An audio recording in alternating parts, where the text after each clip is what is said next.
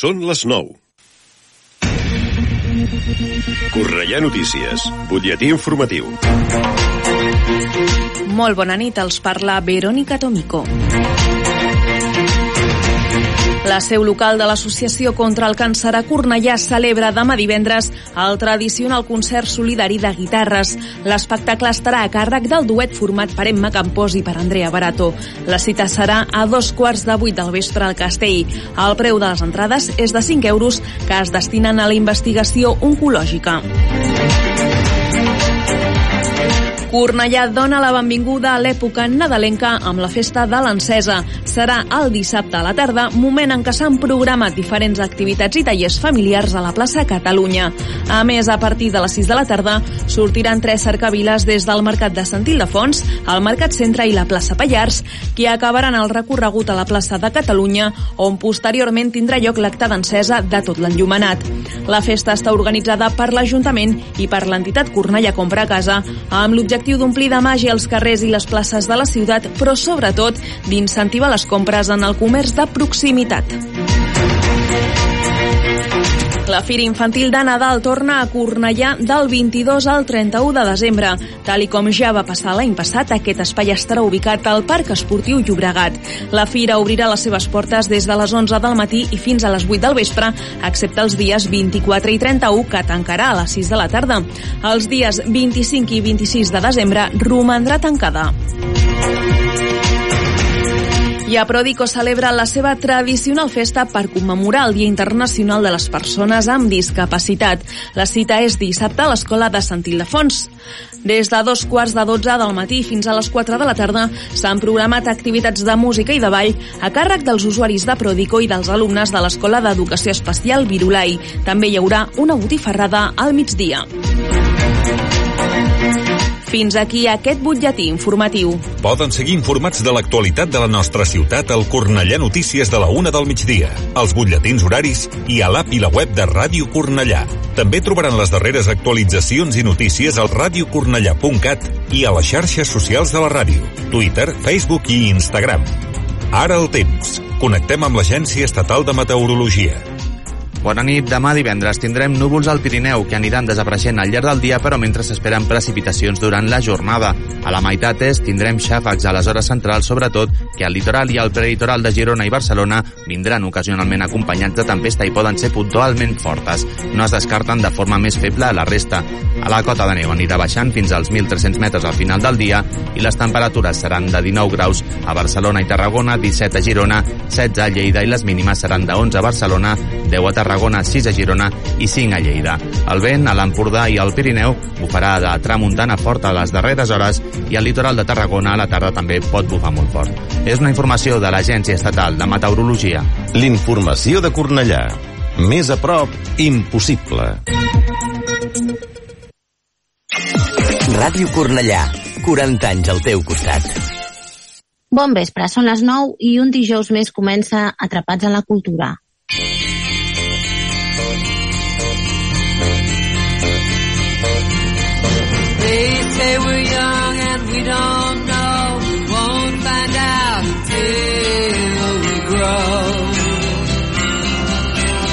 Per en Bill Murray, tots els dies era la mateixa cançoneta. Estava atrapat en el temps. Per nosaltres, tots els dies també són iguals. En Bill el salvava l'Andy McDowell. I a nosaltres, qui ens salvarà? La cultura, els llibres, el cinema, les sèries, l'art, l'oci, la gastronomia. Feu-nos cas i sentiu-vos atrapats amb la cultura. Amb la Cristina Guarro i el seu equip. Guess that's so we don't have a plot, but at least I'm sure of all the things we got. Babe, I got you. Benvinguts oients, eh, l'últim programa del mes de novembre, avui és 24 de novembre, o sigui que toca recordar-vos que un any més, el 25 de novembre és aquest dia internacional de la eliminació de la violència contra les dones, recordar-vos que és un dia que es va escollir aquesta data per commemorar el violent assassinat de les germanes Mirabal, la Pàtria Minerva i Maria Teresa, que eren tres germanes activita activitats polítiques assassinades el 25 de novembre de 1960 per la dictadura de Rafael Trujillo a la República Dominicana i que una mica aquest assassinat va ser l'espurna que va aconseguir acabar fent caure la, a la dictadura, aquest règim de sagnant. Nosaltres a l'Ajuntament de Cornellà us convoca a totes i a tots a la lectura del manifest contra la violència envers les dones. Això serà quarts de set de la tarda. Uh, està organitzat per l'Ajuntament i pel, per CIR, el CIRT, el Centre d'Informació i Recursos per a les Dones. El lloc d'emplaçament és la plaça de l'Església i a càrrec del grup de dones del Club Social Espai 3, la Fundació Salut Mental de Catalunya, i participarà alumnat de l'Escola Antoni Gaudí, la xarxa activa per la igualtat de Cornellà dels instituts de Cornellà i el Consell Municipal de les Dones. Hi haurà l'actuació municipal de... Ai, municipal, musical, disculpeu, de Rocío Díaz Marín, que és una alumna de l'Institut Esteve Terrades. I ens avisen des de l'organització que en cas de pluja l'acte no se suspendrà, sinó que es farà el Patronat Cultural i Recreatiu de Cornellà com a lectura eh, per reivindicar aquest dia i que tant de bo algun, algun any arriba el moment en què no haguem de parlar-ne, us recomano la lectura de l'Encaje Roto, que és una antologia de cuentos de violència contra les mujeres. Aquest és el, el subtítol que porta. Són una sèrie de, de relats curts que l'Emilio Parlo Bazán va publicar ja fa entre uns 150 anys aproximadament i que eh, l'editorial Contrasenya, una editorial que publica coses molt interessants de, de la de l'Aragó, doncs ha, ha, ha compilat de la mà de la Cristina Patiño Eirín, ella, eh, de la vasta producció d'uns 650 contes, eh, doncs ha, Patiño eh, n'ha seleccionat aquests 35 que tenen, doncs, són contes de, de temàtica variada, però tenen un punt de vista eh, en comú, que és, que és parlar d'aquesta violència que pateixen, o sigui, les dones. Eh, de, dèiem que són variats en el, respecte al seu punt de vista, el to, a l'ambientació, la classe social dels personatges, a la relació existent entre l'home i la dona, la majoria de casos és la promesa, l'esposa, la filla,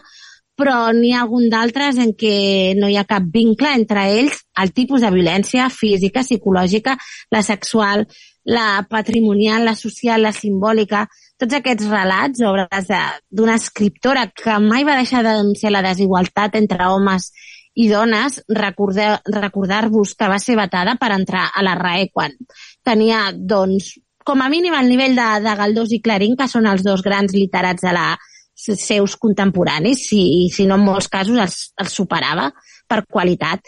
Doncs ella mai va deixar de denunciar aquesta desigualtat eh, oferint un ampli panorama de la violència masclista i de, que mostrava actituds i comportaments que malauradament continuen vigents avui. Eh, alguns d'aquests relats eh, els protagonitzen dones que no, van que no dubtaven a plantar cara al seu maltractador o que afortunadament se'n donen a temps com és, com és realment aquest home en qui, en, en qui volen unir el seu destí. I jo el que faré és llegir-vos un breu fragment justament de l'encaje roto, que és el, el títol que dona eh, el, el, el nom del relat, disculpeu, que dona títol a aquest volum i ella està parlant, és una dona que decideix plantar a l'últim moment davant de l'altar el marit, el promès, i anys després n'explica el motiu. Diu, llegó el día de la boda, a pesar de la natural emoción al vestirme el traje blanco, reparé una vez más, más en el soberbio volante de encaje que lo adornaba. Y era regalo de mi novio. Había permanecido a su familia que el viejo alenzón auténtico de una tercia de ancho, una maravilla, de un dibujo exquisito, perfectamente conservado, digno del escaparate de un museo. Bernardo me lo había regalado, encareciendo su valor, lo cual llegó a impacientarme, pues por mucho que el encaje valiese mi futuro debía suponer que era poco para mí. En aquel momento solemne, al verlo realzado por el denso raso del vestido, me pareció que la delicadísima labor significaba una promesa de ventura y que su tejido tan frágil y a la vez tan resistente prendía en sutiles mallas dos corazones. Este sueño me fascinaba cuando eché a andar hacia el salón, en cuya puerta me esperaba mi novio. Al precipitarme para saludarle llena de alegría, por última vez antes de pertenecerle en alma y cuerpo, el encaje se enganchó en un hierro de la puerta con tan mala suerte que al quererme soltar oí el ruido peculiar del desgarrón y pude ver que un jirón del magnífico adorno colgaba sobre la falda. Solo que también vi otra cosa, la cara de Bernardo, contraída y desfigurada por el enojo más vivo, sus pupilas chispeantes, su boca entreabierta, y ahora ya para proferir la reconvención y la injuria. No llegó a tanto, porque se encontró rodeado de gente, pero en aquel instante fugaz se alzó un telón y detrás apareció desnuda un alma. Doncs veieu, en aquest cas, la nostra protagonista eh, se'n va salvar a temps. I ara sí, comencem el programa d'avui amb molta cultura.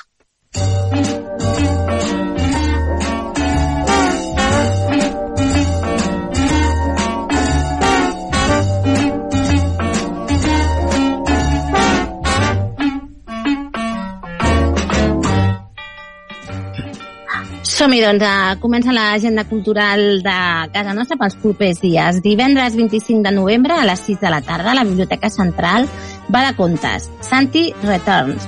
És el nom del nou espectacle per a infants a partir de 4 anys. Ah, però encara no coneixeu en Santi? Veniu a la Biblió a conèixer-lo perquè la seva veu la seva guitarra sempre emocionen i us faran riure. Quins contes explicarà? Plorareu? Riureu? Us espantareu? Ben aviat ho descobrireu.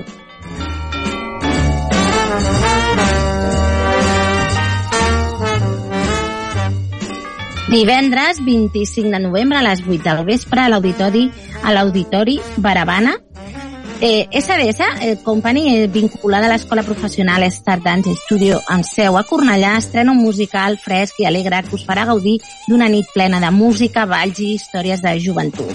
La trama ens situa a Baravana, o al nou local de moda Barcelona, un lloc en el qual no tenen cabuda ni la tecnologia ni les xarxes socials. Quina meravella, eh? Un lloc en què es prioritzen les relacions interpersonals. Els protagonistes són un grup de joves que pertanyen a un mateix institut i que, acompanyats del seu professor, decideixen anar-hi. Baravana ens transportarà a través de la dansa, de la fredor d'un missatge a la calidesa d'una paraula. Aquest espectacle s'emmarca en el projecte Emergents, que l'Auditori de Cornellà ha estrenat enguany amb l'objectiu de donar oportunitats a joves talents i promeses, artistes preprofessionals, estudiants de grau superior d'arts escèniques o artistes que presentin una proposta artística de qualitat i siguin escollits per formar part de la programació de l'Auditori.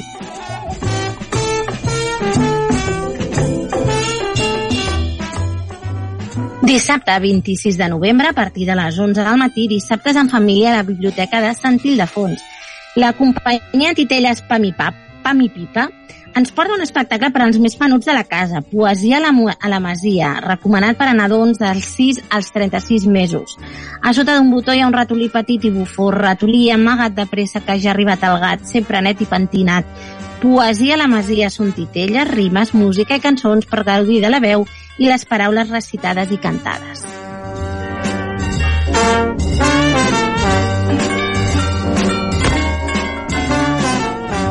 Dissabte 26 de novembre a partir d'un quart de sis de la tarda, festa d'encesa dels llums de Nadal a Plaça Catalunya. Festa acompanyada de tallers infantils i activitats d'animació. Es fa una crida a la població infantil de Cornellà a la, a la col·laboració per aconseguir que la ciutat s'il·lumini i ens porti la màgia del Nadal. Aquest any tenim una novetat. Cap a les 6 de la tarda, tres cavalcades amb animació o música i xanquers començaran a recórrer la ciutat des de la plaça de l'Església, des del Mercat del Sant Ildefons i des de la plaça del Pallars per confluir a la plaça de Catalunya, en què a partir de tres quarts de set s'encendran els llums. Les cavalcades estaran encapçalades per tres personatges que representaran els colors verd, vermell i blau i amb elements visuals que tindran continuïtat a les activitats de Reis. En confluir les tres cavalcades juntament amb la vostra ajuda amb les torxes que tots els infants haureu elaborat als tallers de la tarda, podreu aconseguir que els llums de Nadal comencin a brillar a partir de les 7 de la tarda a tota la ciutat.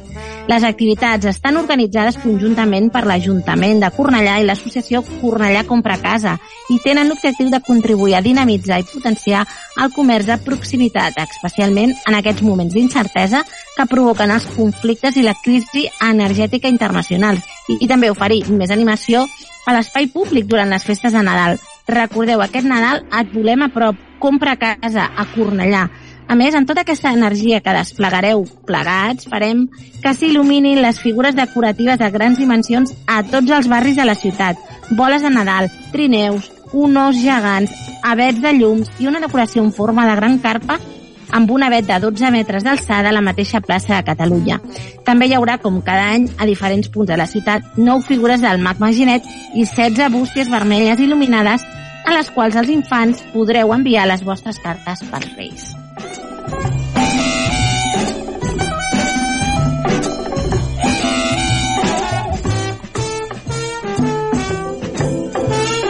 Dissabte, 26 de novembre, a partir de quarts de vuit, a l'Auditori Sant Ildefons, concert de música palestina i catalana.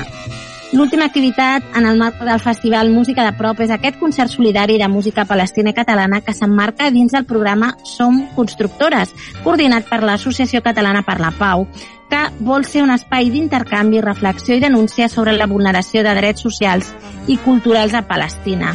El programa Som Constructores és una iniciativa de l'Associació Catalana per la Pau que pretén incrementar el compromís i la sensibilitat de la ciutadania catalana en la defensa de la cultura de pau i al mateix temps també vol ser una reivindicació dels drets i llibertats del poble palestí.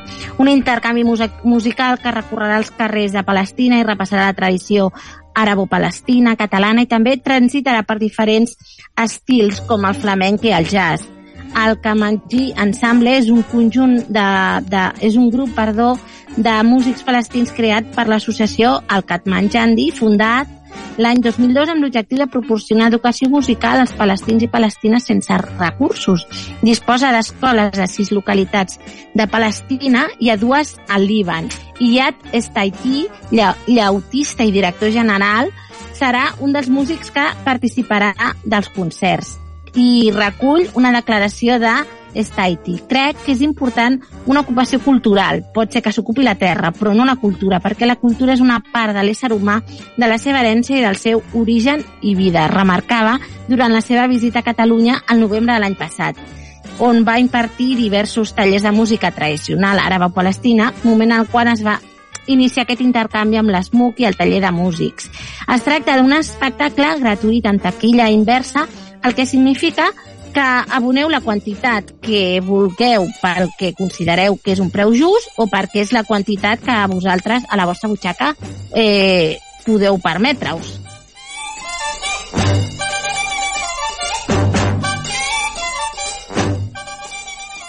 Dissabte 26 de novembre a les 8 del vespre a l'Auditori, concert d'Anna Guerra. Anna Guerra visita Cornellà en el marc de la seva gira Susurrándote lo que nunca te dije, en format acústic, molt més íntim i personal, amb el qual presenta els temes del seu nou àlbum d'estudi La luz del martes. Aquest disc ha marcat una nova etapa en la seva trajectòria en decantar-se per l'essència més pura del pop, convivint amb un so actual més madur. Acompanyada d'un piano i una guitarra, Anna Guerra interpretarà amb la sensibilitat que la caracteritza els seus nous temes i els grans èxits. L'artista va irrompre fa només 4 anys al panorama musical espanyol i s'hi ha quedat èxits com Lo Malo, Ni la Hora o Bajito han portat la tinerfenya acumular 11 discos de platí i un d'or i a romandre als escenaris de tot el país des del seu aclamat primer Tu Reflexión.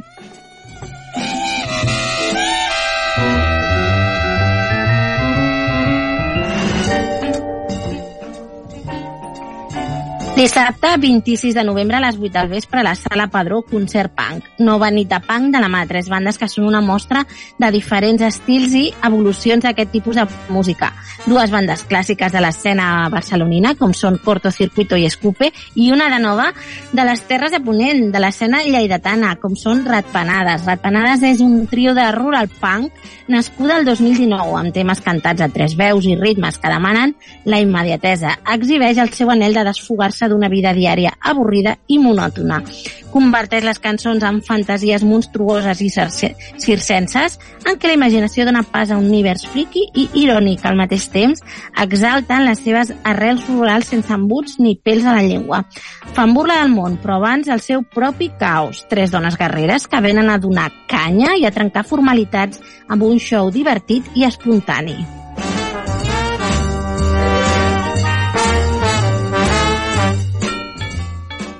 Diumenge 27 de novembre, a partir de les 11 del matí, visita guiada a la planta noble del Museu Palau Mercader.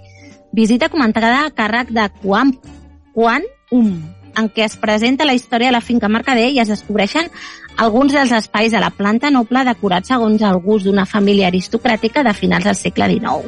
Hi ha sessions a les 11 del matí i a les 12 del migdia, cal inscripció prèvia, trucant al 93 474 51 35 o bé escrivint un e-mail a patrimonireserves arroba aj-cornellà.cat.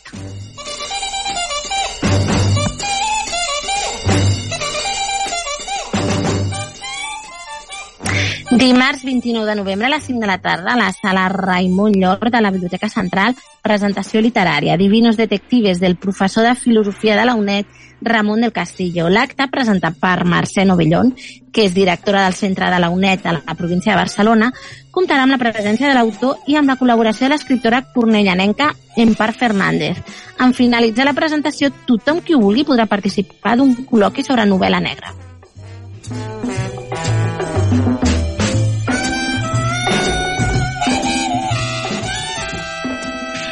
Dimarts 29 de novembre a les 7 de la tarda, la seu comarcal de Comissions Obreres, presentació del llibre Estimades Famílies. Uh, durant d'aquí una estoneta us en parlarem una miqueta més d'aquest Estimades Famílies perquè ens visita el programa l'Atrapats en la Cultura d'avui, 24 de novembre, en Jordi San José. Ell serà l'entrevistat de la setmana és exalcalde de, de, ui, de Cornellà, disculpeu, de Sant Feliu de, de Llobregat i ha treballat com a mestre i professor de secundària i ens explicarà doncs, més cosetes d'aquestes estimades famílies. I ara ja comencem el programa, anem als continguts culturals, a la resta de continguts, perquè l'agenda cultural també és cultura, i comencem amb una cançó que no cal que us digui res més perquè l'hem triat. Apareciste una noche fría, con olor a tabaco sucio y a ginebra. El miedo ya me recorría mientras cruzaba los deditos tras la puerta. Tu carita de niño guapo se la ha ido comiendo el tiempo por tu vena. Y tu inseguridad machita se refleja cada día en mi lagrimita. Una vez más, no, por favor, estoy cansada y no puedo con el corazón. Una vez más, no, mi amor, por favor, no grites que los niños duermen. Una vez más, no, por favor, estoy cansada y no puedo con el corazón. Una vez más, no, mi amor, por favor, no grites que los niños duermen. Voy a volverme como el fuego, voy a quemar tu puño de acero y del morado de mi mejilla saldrá el cobrarme las heridas. Malo, malo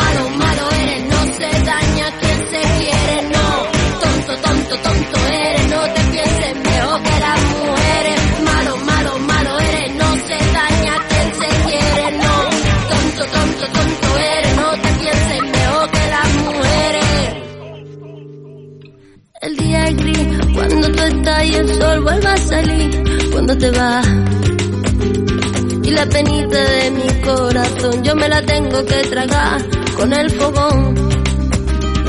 Mi carita de niña linda se ha ido envejeciendo en el silencio. Cada vez que me dices puta, se hace tu cerebro más pequeño. Una vez más, no, por favor, estoy cansada y no puedo con el corazón. Una vez más, no, mi amor, por favor, no grites que los niños duermen. Una vez más, no, por favor, estoy cansada y no puedo con el corazón. Una vez más, no, mi amor, por favor, no grites que los niños duermen. Voy a volverme como el fuego, voy a quemar tu puño de acero y del morado de mi mejilla saldrá el balón para cobrarme las heridas. Malo, malo, malo eres, no se daña quien se quiere, no. Tonto, tonto, tonto eres, no te pienses mejor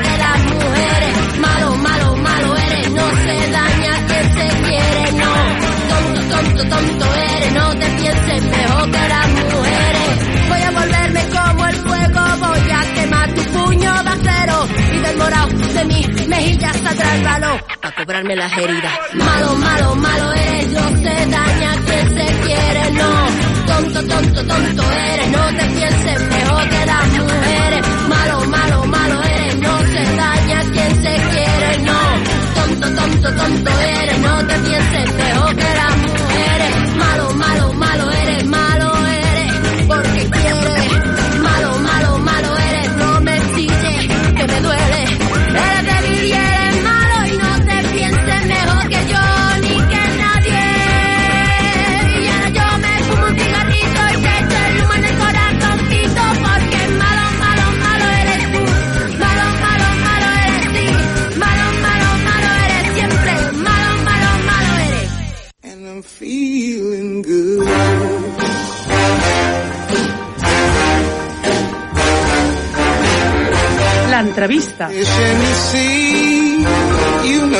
Feel.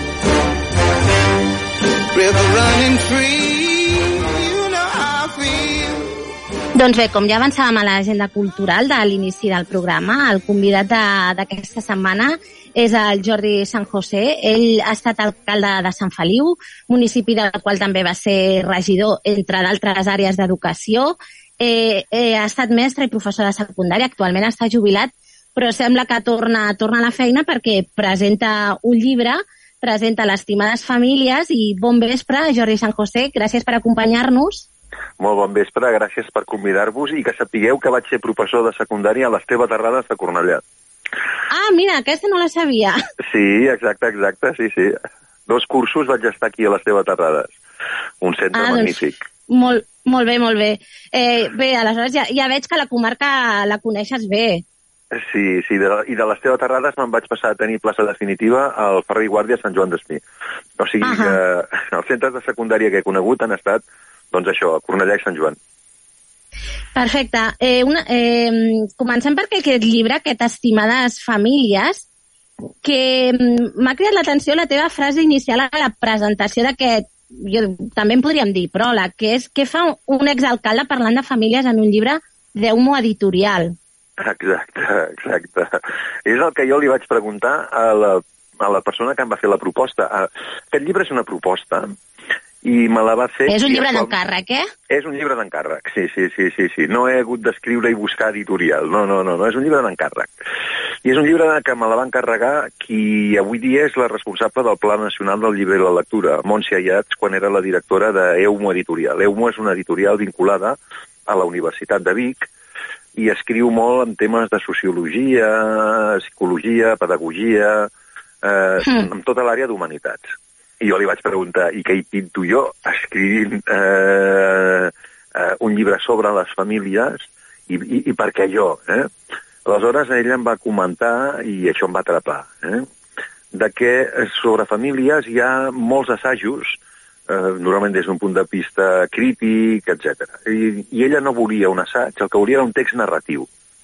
I amb un text narratiu li vaig dir, m'hi atreveixo, amb un assaig, jo no sóc antropòleg, no sóc sociòleg, sóc profe de matemàtiques, a l'Esteve Terrades vaig ser professor de matemàtiques, i aleshores no, no podia escriure un llibre de teoria. No vull un llibre de teoria, em va comentar, vull un llibre que posi en valor la família, però que per posar en valor la família mostri la diversitat de famílies que hi ha doncs, a la nostra societat. I això em Ah, va entenc. encantar. És a dir, per posar en valor la família hem de posar en valor totes les famílies. Aquest encàrrec em va agradar, el vaig acceptar i aquí està estimar les famílies. Clar, perquè entenc que la Montse Llats el que et proposa és una mica de fugir d'un llibre més aviat de tipus manual universitari, d'aquest que parla de les estructures socials i en un Ah, marc exacte. potser més teòric. No, ella em va dir, ho presenta... Ni, eh, després vam estar parlant, no? Sí. I el que, el que vull és donar-li visibilitat i normalitat doncs, a la diversitat de famílies que hi ha en el nostre entorn. Visibilitat i normalitat. Amb afecte, amb respecte, amb, amb positiu. Posant en valor tota la feina que fan les famílies i posant en valor tota la feina que fan els serveis educatius, els docents, l'associacionisme familiar, per eh, valorar, recollir, acollir i impulsar totes les, tota la, la feina que fan doncs, eh, en l'educació dels nostres nens i les nostres nenes. I, per tant, això em, em, em va atrapar la idea, m'ho he passat molt bé escrivint-lo, li vaig preguntar, que abans no t'ho no respost, Cristina, i per què jo? Eh, perquè un exalcalde ha de parlar de famílies. Nosaltres som família d'acollida, la meva dona i jo, som família d'acollida. Aleshores, eh, coneixem des de fa uns quants anys tot el, tot el tema de l'acolliment i l'adopció. I després eh, eh, em va veure a la televisió TV3 amb una marató amb el meu fill. El meu fill és portaveu de les organitzacions que treballen contra l'estigmatització de la sida eh, pel reconeixement uh. -huh. de les persones amb VIH i, per tant, ja, ja, ja, hem, ja he aparegut amb alguns mitjans eh, donant visibilitat i normalitat, en aquest cas, amb els, amb els joves que tenen doncs, eh, VIH positiu. Però mm, li va semblar que podia escriure un llibre amb, amb la meva perspectiva d'alcalde, la meva perspectiva de professor, la meva perspectiva de pare, la meva perspectiva d'acollidor, per parlar amb clau positiva i d'això de les diverses realitats familiars que hi ha. I vaig triar que fos en un institut doncs perquè en un servei públic, com és un ambulatori, com és una escola, com és un institut, doncs és on es veu, on es palpa, on es pot constatar doncs que eh, les famílies ja no és només el que era habitual fa només 40 o 50 anys, sinó que les realitats familiars són molt diverses i que totes es basen en el mateix amor incondicional. Eh, exacte. Explica'm una mica de què, de què va el llibre. Té dos, dos protagonistes principals, n'hi ni ha d'altres, però ells dos són l'Anna, que és una, és una tutora, és una jove tutora, i la, després hi ha una mica, no sé si anomenar-lo antagonista, però és el Miquel, que és el, el professor que està a punt de, de jubilar-se. Exacte, exacte. Eh, com et deia, em va semblar que el, el millor lloc per situar l'escenari, per situar aquest text, era un institut.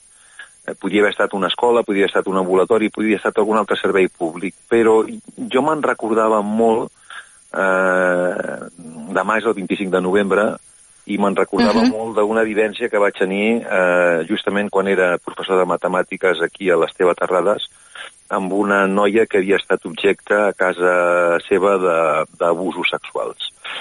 I vaig veure que perquè els protagonistes fossin creïbles havia de situar l'escenari amb, amb un institut. Eh? Per tant, l'escenari estava clar, ha de ser un institut perquè els adolescents ja tinguin capacitat d'intervenir en veu pròpia amb el, amb el text. I els protagonistes, si l'escenari en un institut, havia de ser professors. I aleshores vaig posar, més que antagonista, es complementen. És un, eh... Sí, per això deia, jo no sabia com anomenar-lo ben bé. Eh? És cert que no és l'antiheroi, eh? però... Eh, no. En sí que és com una altra perspectiva en els, en els instituts sempre hi ha els professors que porten sí, no, tant, que han portat molts anys i després els que s'incorporen. Doncs és això, aquesta perspectiva d'una persona que ja porta molts anys en un institut mm, i d'una persona que s'acaba d'incorporar. I després hi ha una persona que també és important, que és la secretària de l'Associació de Famílies d'Alumnes, de l'AFA. Mm? Uh -huh. Al llarg del curs, aquesta, la relació entre aquestes tres persones es va, es va que comencen allò que és, el, el, el mes de setembre s'acaben de conèixer i el mes de juny, uh -huh. Quan acaba el curs, tenen una relació molt especial. No avançaré res perquè m'agradaria que llegissiu el llibre. No, no, això no, no, això no avancem. L'espoiler eh, prohibit, prohibit. Prohibidíssim. Jo, jo, que, sí, que hi ha una cosa que m'ha cridat molt l'atenció, que és les, com està estructurat el llibre, perquè Exacte. el llibre són 10 capítols, 10 que, diguem-ne, són, són Mm, a més, van, amb això sí que no desvello res, eh? eh són els, els noms dels mesos que va del setembre a juny, diguem, els nou cursos de, escolars, i jo després hi ha com un desè capítol que per mi és com una pila, que és el titulat Iudina de juliol. Iudina I és una estructura que m'ha cridat l'atenció perquè la trobava com, ara que està de moda mirar tantes sèries, que és com una estructura molt de, de sèrie televisiva, perquè cada capítol, diguem-ne que hi ha com un model de, de família o una Exacte. temàtica que n'és la protagonista. Exacte. Exacte. Aquesta és l'estructura que vaig buscar del llibre. Els tres protagonistes apareixen en els deu capítols i la seva relació es va intensificant, però després, clar, l'Anna, la, que és la mestra jove, és la mestra tutora de primer d'ESO. Quan comença el curs s'ha de fer les visites amb els pares, les reunions amb els pares. Aleshores, cada, cada capítol eh, es presenta doncs, una, una entrevista amb alguna mare o algun pare que aleshores fan la presentació amb això que deia de visibilitat i normalitat de totes les famílies. Si, per exemple, el mes de setembre parlo d'una mare que decideix tenir fills eh, sola, el mes d'octubre parlo de famílies nombroses, el mes de novembre, de novembre parlo de famílies desestructurades, el mes de desembre parlo de famílies homosexuals que adopten a un nen, i així successivament. Cada mes cada, és un capítol i en cada mes, en cada capítol, eh, presento a través d'una entrevista amb la tutora doncs, eh, les diverses realitats familiars que he volgut eh, visibilitzar i normalitzar en el llibre. Eh, I al, al llarg del llibre que hi apareixen, diguem-ne, són les mm, diferents estructures o actors escolars en l'àmbit, no? Es parla Exacte. dels consells escolars, hem parlat, abans has mencionat l'AFA, uh -huh. i hi ha també la comissió social del centre, però que Exacte. això tinc entès que no és una figura obligatòria, és un tema de l'Ajuntament. Exacte. Sí, la comunitat educativa eh, és, és... En un institut, a part dels mestres, hi ha, eh, amb, amb la feina importantíssima dels docents i les docents que he volgut posar en valor, hi ha tots uh -huh. serveis, també serveis municipals, que acompanyen la feina dels instituts. Llavors, en molts ajuntaments, eh, en el Baix Llobregat, en molts ajuntaments, hi ha serveis municipals que ajuden a les, als instituts, sobretot en les problemàtiques socials de les famílies. I això és la feina de la, de, de la comissió social de cada centre. Eh, molt, a Sant Feliu, per exemple, on jo he estat alcalde, uh -huh. eh, estic segur que, que, que Cornellà també hi és, a Sant Joan també hi és, a Sant Boi que hi he estat, en molts municipis del Baix Llobregat que tenim molt clara la importància de, de que els ajuntaments estiguem al costat d'escoles i instituts amb la, amb la seva feina de cohesió social, és a l'espai on es detecta quines són les famílies que necessiten algun tipus de suport del seu ajuntament que no poden fer els, els mestres i les mestres no aniran a casa d'una família per veure quina és la seva realitat, el seu nivell de, de, de precarietat. Però sí que uh -huh. han d'estar al, al costat, han de tenir al costat a l'Ajuntament perquè algun treballador municipal, alguna treballadora municipal, doncs pugui fer un, un, un treball amb la família que la seva exclusió. I el que és fonamental és que l'institut i l'Ajuntament estiguin en contacte. I la forma de fer-ho és a través de les comissions socials, per poder ajudar des de l'Ajuntament a les famílies que l'Institut detecta que necessiten que, que, que hi hagi un suport al seu costat. I això com a, com a alcalde de, de Sant Feliu, quina experiència en té? Funcionen aquestes comissions? Funcionen molt, funcionen molt, perquè els, els, els mestres no, no tenen ni la formació ni és la seva feina, per descomptat, doncs, eh, veure quins és els mecanismes que han de permetre que una família doncs, que té precarietat laboral o precarietat d'habitatge o, o, o dificultats d'incorporar doncs, eh, problemàtiques de salut, etc etc, mm, no, no, no, no poden intervenir, però sí que poden ser les antenes, els ulls, que permetin que l'Ajuntament tingui la informació necessària per poder actuar. I aquesta coordinació entre professors i serveis socials és una coordinació que quan funciona eh, dona uns resultats boníssims perquè eh, són fonamentals per, per treballar contra la segregació de persones i famílies, contra l'exclusió de persones i famílies. Els instituts són les, el, el, els llocs on detectem les situacions que cal corregir i els ajuntaments són els que posem els mecanismes per intentar corregir-ho. I veig que la, la teva trajectòria laboral, tant en l'àmbit de la política com de l'ensenyament, diguem-ne, eh, t'ha enxampat com dos moments de transformació social eh, molt diferents i a la manera, i en certa manera eren un gran repte, perquè diguem-ne que els primers anys de, de democràcia de fet, crec que tu vas ser dels primers mestres en català, diguem-ne, de manera Exacte. arreglada. Sí, sí, sí. sí. Eh, doncs clar, eh, a veure, sortint de la, de la democràcia, eh, de, la, de la dictadura, perdó, doncs mm, hi ha tot un sistema que s'ha de posar en marxa, que és, que és l'escola, que és una mica el garant de, de la cohesió social per evitar les, les desigualtats i després sí que veig que aquests últims anys, el període de crisi del, arran de, del 2009, això ja t'enxampa com a alcalde de Sant Feliu, però ha estat bé, un moment de, de dures de retallades, un moment en què també ens vam trobar, com a mínim aquí, a l'àrea metropolitana, amb molta població nouvinguda, i això és un altre repte. Exacte, exacte. Eh, de fet, de fet el, el, sistema educatiu, eh, l'escola, els instituts en el seu conjunt, eh, han estat elements importantíssims en la cohesió i amb, i amb, amb la creació del que, del que molta gent hem dit un sol poble. Mm? A l'any 78, quan comença a haver-hi les classes de català, jo, per exemple, a l'Esteve Terrades, tenia, eh, feia encara era formació professional, feia matemàtiques de primer i segon de formació professional, i tenia més nens que parlaven en àrab a casa seva que en català a casa seva, a, a l'Esteve Terrades, eh? Eh, uh -huh. i, qui, qui ha aconseguit aquesta feina de normalització, d'incorporació de, de, de, del català a la vida de, de, de Cornellà, de Sant Joan, de Sant Feliu, de l'Hospitalet, de tot. Això ho ha aconseguit sobretot l'escola. I, per tant, eh, haver format part d'això des dels seus inicis, jo al 78 era, era professor de català a Sant Feliu, doncs eh, mostra la importància de l'ensenyament en aquest sentit. I després, fer front a la crisi. Fer front a la crisi, incorporar eh, tota la immigració que va haver-hi a Catalunya en la primera meitat de la dècada dels anys... mm, la primera dècada d'aquest segle, entre el 2000 i el 2008. Sí. No hi ha crisi, i, i arriba gent, i arriba gent, i arriba gent. Vosaltres us en recordareu, perquè aquí a Cornellà va passar com a tot arreu. La incorporació de- de- d'alumnat que provenia de Sud-amèrica, l'alumnat que provenia del nord d'Àfrica, de, de l'est d'Europa, mm, i això es va poder fer, afortunadament en aquell momentet, en aquell moment teníem el tripartit, que va fer el que es deien els assessors de llengua i inclusió social, que va fer tot el que era les oficines municipals d'escolarització, i tot això va poder-ho va poder-ho d'alguna manera incorporar amb una perspectiva de, de, de suport al, al, al, al, als centres educatius, etc. Hi havia el que eren les aules d'acollida, no? Que tinc entès que s'han suprimit ara. Que actualment no n'hi ha o n'hi ha molt poques. No... Eh, N'hi ha molt poques, en, o sigui, eh, crec que les aules d'acollida no haurien d'estar sotmeses a dir, doncs a partir, si no hi ha vuit alumnes perquè hi hagi una aula d'acollida, no hi ha aula d'acollida. No, això és un error.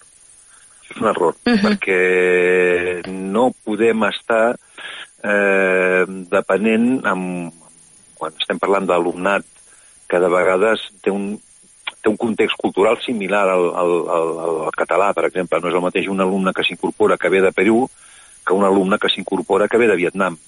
Eh, aleshores, doncs, eh, les aules d'acollida haurien de, de poder ajustar-se a les necessitats que tinguin els centres en cada moment. Ara, eh, en un context de retallades en l'atenció primària, en un context de retallades en els serveis educatius, eh, en un context en què sembla que ens barallem per veure qui rebaixa més impostos. Mm, doncs eh, hi ha serveis que se n'han de ressentir i no se n'haurien de ressentir. I en aquest sentit, les aules d'acollida a mi em sembla que és un error que estiguin condicionats de que eh, hi hagi un nombre mínim d'alumnes amb independència de, de, de, de, de, de, l'origen cultural que tinguin. Em sembla un error molt gran. Però, en tot cas, és el, el funcionament que estem tenint avui dia en el govern de la Generalitat. Sí, eh, parlant de retallades, m'ha vi- m'ha vingut al cas un d'aquests exemples de, de famílies o de diferents famílies que, que presenta és el cas d'un noi amb síndrome de Down, de, Exacte. els pares del qual mm, no tenen la mateixa manera d'afrontar-s'hi. Exacte, sí. Tot, eh, val a dir que tots els capítols eh, parteixen de la meva experiència personal, com et deia, eh, per la pròpia família, per l'Ajuntament, per la- per l'institut o per l'acolliment. Eh? I tothom té en el seu entorn familiar realitats familiars en què són pràcticament eh, límits, eh? que estan en risc de trencar doncs, la família doncs, per la manera diferent que tenen, doncs, sobretot els pares, d'enfrontar una situació difícil. Mm, en el meu entorn tenia un exemple similar i vaig voler-lo adaptar amb un síndrome de Down. El pare entén que és una malaltia i que no s'hi pot fer res i no s'hi resigna i és sabat i se viene abajo, que es diu en castellà, i la mare, doncs no, la mare, les mares treuen fortalesa d'on no n'hi ha, això ha passat sempre i a tot arreu, i entén que eh, plorant i per les cantonades no aconseguirà que el seu fill pugui fer el que han de fer tots els pares i que es presenta també en el llibre, que és ajudar que els fills puguin desplegar les seves ales. Mm, I aleshores aquesta perspectiva diferent eh, és el capítol, és un dels capítols del llibre, del, del capítol del mes de març, i, i és, és molt revelador, és, és, exemplifica bé doncs, com hi ha famílies que les dificultats es els superen, com és el cas del capítol del mes de novembre, però que hi ha famílies que poden superar les dificultats, com he volgut reflectir en aquest capítol. Clar, perquè en principi, diguem-ne que amb síndrome de Down, com a mínim abans, va, anirien, abans anaven al que eren les escoles especials, Sí. o de- d'educació especial, ens la que en, de, que en deien, Sí. però ara també, això ja no sé si és que la família ho pot triar, pot decidir, també és que ara tan, hi ha molts, molts trastorns diagnosticats, o sigui, no, en alguns El- casos es pot, es pot decidir que la, que la criatura sigui escolaritzada, diguem-ne, en un centre, a veure, convencional, però per anomenar-lo d'alguna manera, eh? No voldria... Sí. En els, en els... Però, clar, la manca de recursos... O sigui, en principi, la voluntat de les lleis d'educació, tant a Catalunya com a l'Estat, és que el, el que s'anomena alumnes amb necessitats educatives especials, que és el, el nom amb què... És la seva inclusió. Sí, han d'estar eh, escolaritzats en centres ordinaris. Aquesta és la, la, la, la recomanació general pel que fa a l'alumnat amb necessitats educatives especials.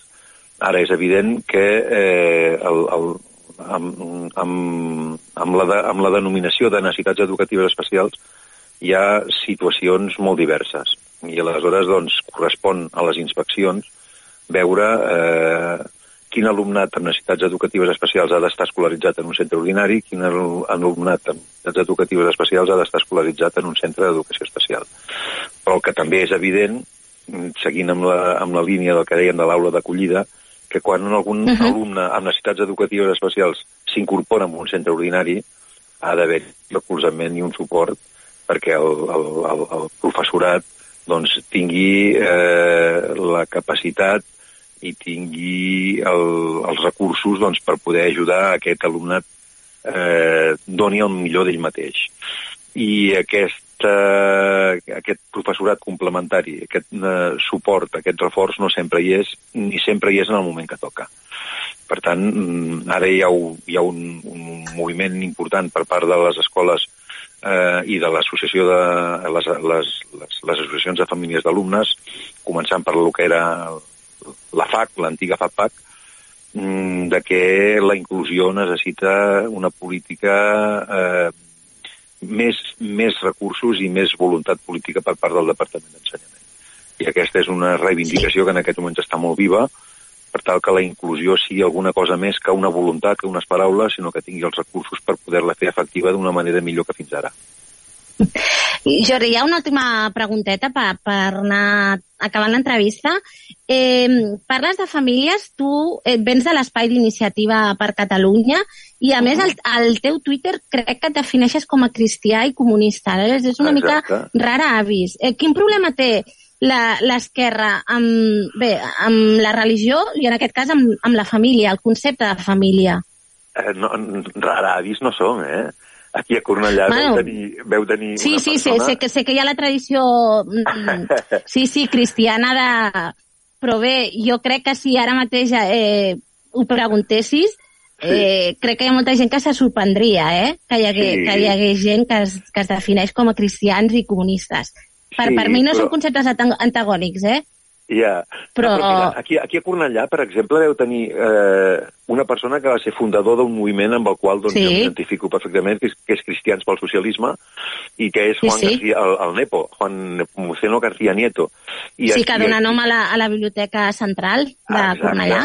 Exacte, exacte. I teniu molta gent que està treballant amb la Fundació Utopia i teniu molta gent que està treballant en comunitats de base. Jo conec molt, per exemple, el Benigno, el Pepe, eh, tot de gent que està treballant molt amb la idea, eh, les idees que va plantejar García Nieto, o que va plantejar també, doncs, a Sant Feliu tenim una plaça que es diu Alfons Comín, doncs, eh, uh -huh. doncs tot de gent que des del comunisme sí, sí entenia que, que hi havia una opció personal que, que no ha de, no de, no ha de orientar per res la política, la política ha de ser laica, però que la persona individualment pot tenir una visió transcendent de, de, de la vida.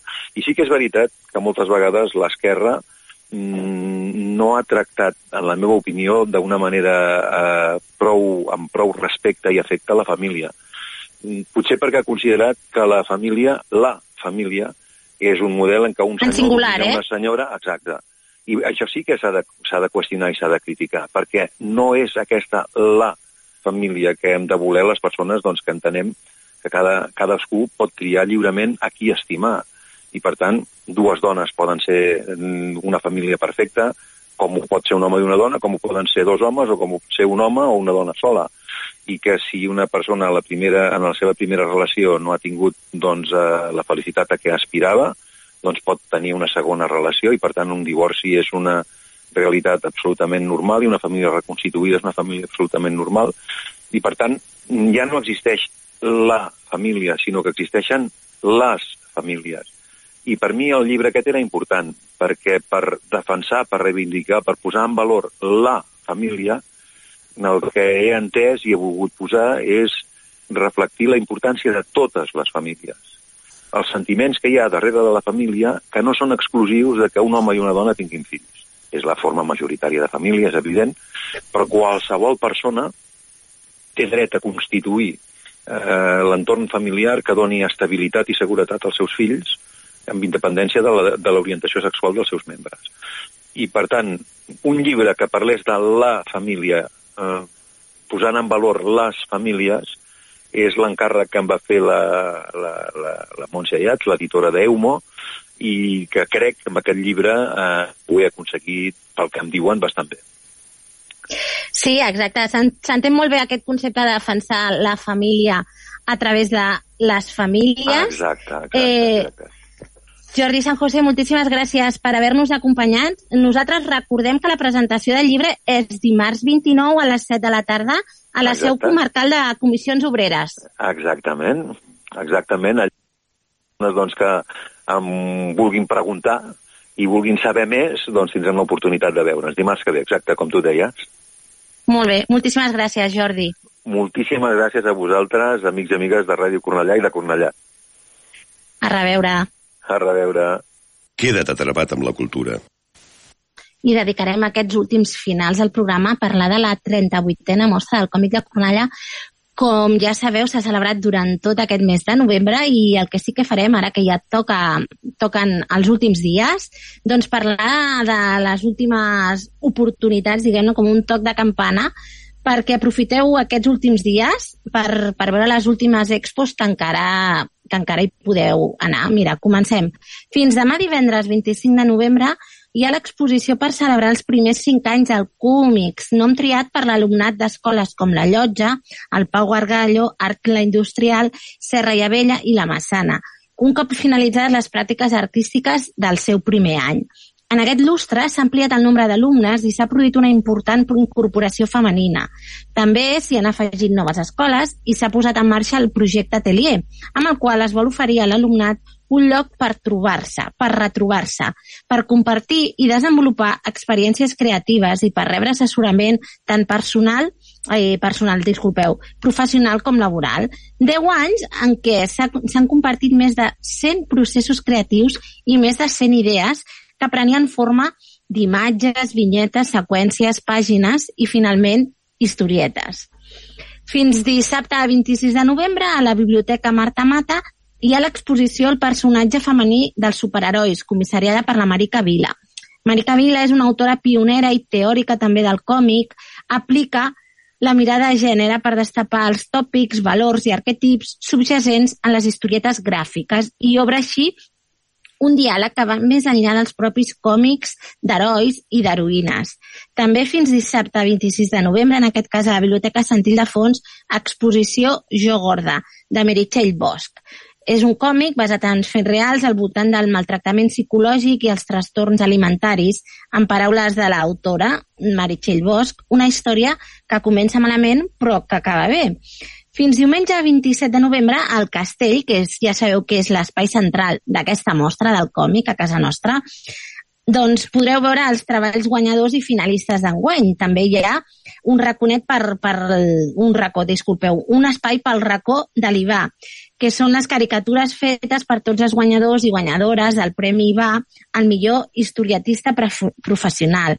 I després podeu veure l'exposició eh, darrere de la pantalla de Bea Tormo, que justament Bea Tormo va ser premiada amb el 28è Premi IVA l'any 2021. I enguany, doncs, a més de ser la creadora del cartell de la mostra del còmic, l'exposició central està dedicada a la seva obra en un espai que coneix, ja que va rebre també una de les mencions del 25è concurs de còmics Ciutat de Cornellà. L'autora ha decidit fer una exposició mostrant alguns dels seus últims treballs en paper, però sobretot el material que fa en digital, tires i vinyetes senzilles, plenes d'humor i autobiogràfiques, en què exposa la seva manera de pensar, viure, treballar i totes les seves, que no poques, preocupacions. La Beatormo no es deixa veure molt, però això, la seva forma favorita de comunicació amb el món és a través del dibuix i del còmic. I aquesta exposició doncs, és una part del, del seu material més recent, com sempre ple d'humor, i on podreu veure la seva particular manera de pensar, viure, treballar i la resta de coses. Si voleu saber-ne més, eh, que enguany la mostra de, de còmic de Ciutat de Cornellà doncs, ha habilitat un telèfon de WhatsApp perquè podeu fer-hi consultes és el 669 98 95 01. Després podeu seguir a l'Instagram el compte arroba cornellacòmic i després tenir l'opció d'enviar correus a cornelljove arroba aj cornellà.cat. I amb aquestes últimes mencions al Cornellà Ciutat del Còmic, que ha estat aquest mes de novembre, com cada any, doncs nosaltres ja comencem a sentir el nostre amic que ens diu que ens va acompanyant a poc a poc, suaument, eh? amorosament, ens convida a retirar-nos. Nosaltres tornarem la setmana vinent, que ja és desembre, un mes atípic i en certa manera una mica inhàbil en aquest país, amb tants festius. Eh, o sigui que, a reveure, una abraçada ben forta a tots i tornem la setmana vinent. E di uomini che ti sono piaciuti. It's wonderful, it's wonderful, it's wonderful. Good luck, my baby, it's wonderful, it's wonderful, it's wonderful. I dream of you. Chips, chips. Da ti do di do, chi boom, chi boom boom. Da ti do di do, chi boom, chi boom boom. Da ti do di do. Via, via, vieni via con me. Entra in questo amore buio, non perderti per niente al mondo. Via, via, non perderti per niente al mondo. Lo spettacolo d'arte varia di uno innamorato di te. Yeah.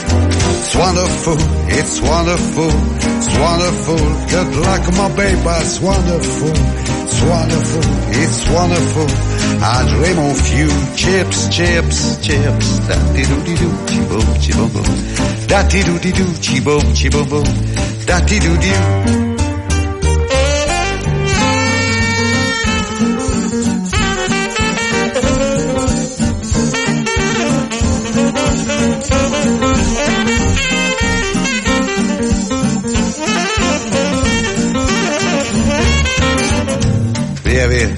Vieni via con me. Entra in questo amore buio, pieno di uomini. Via, via, entra e fatti un bagno caldo.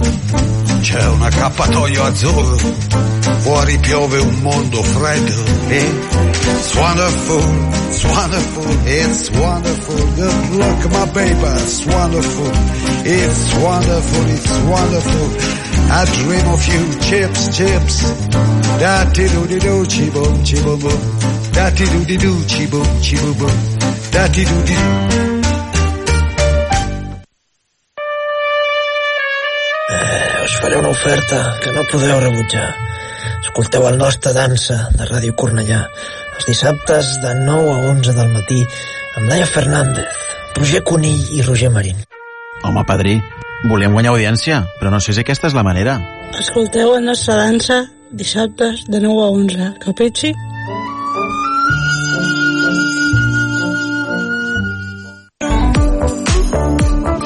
Jordi Évole, periodista. Jo vaig fer coses a Ràdio Cornellà que no m'hagués imaginat mai que faria, des de retransmetre una cavalcada de Reis fins a retransmetre un partit de bàsquet. La ràdio local és la gran escola de, de tots els que volen fer alguna cosa en el món de la comunicació, doncs allà et serveix per formar-te, per foguejar-te, per fer 40.000 coses que et curteixen molt i t'ajuden moltíssim després. Ràdio Cornellà, 40 aniversari, orgull de ciutat.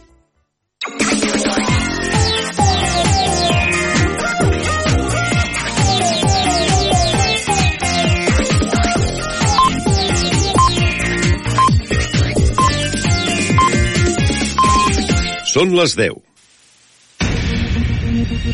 Correia Notícies, butlletí informatiu. Molt bona nit, els parla Verònica Tomico. La seu local de l'Associació contra el Càncer a Cornellà celebra demà divendres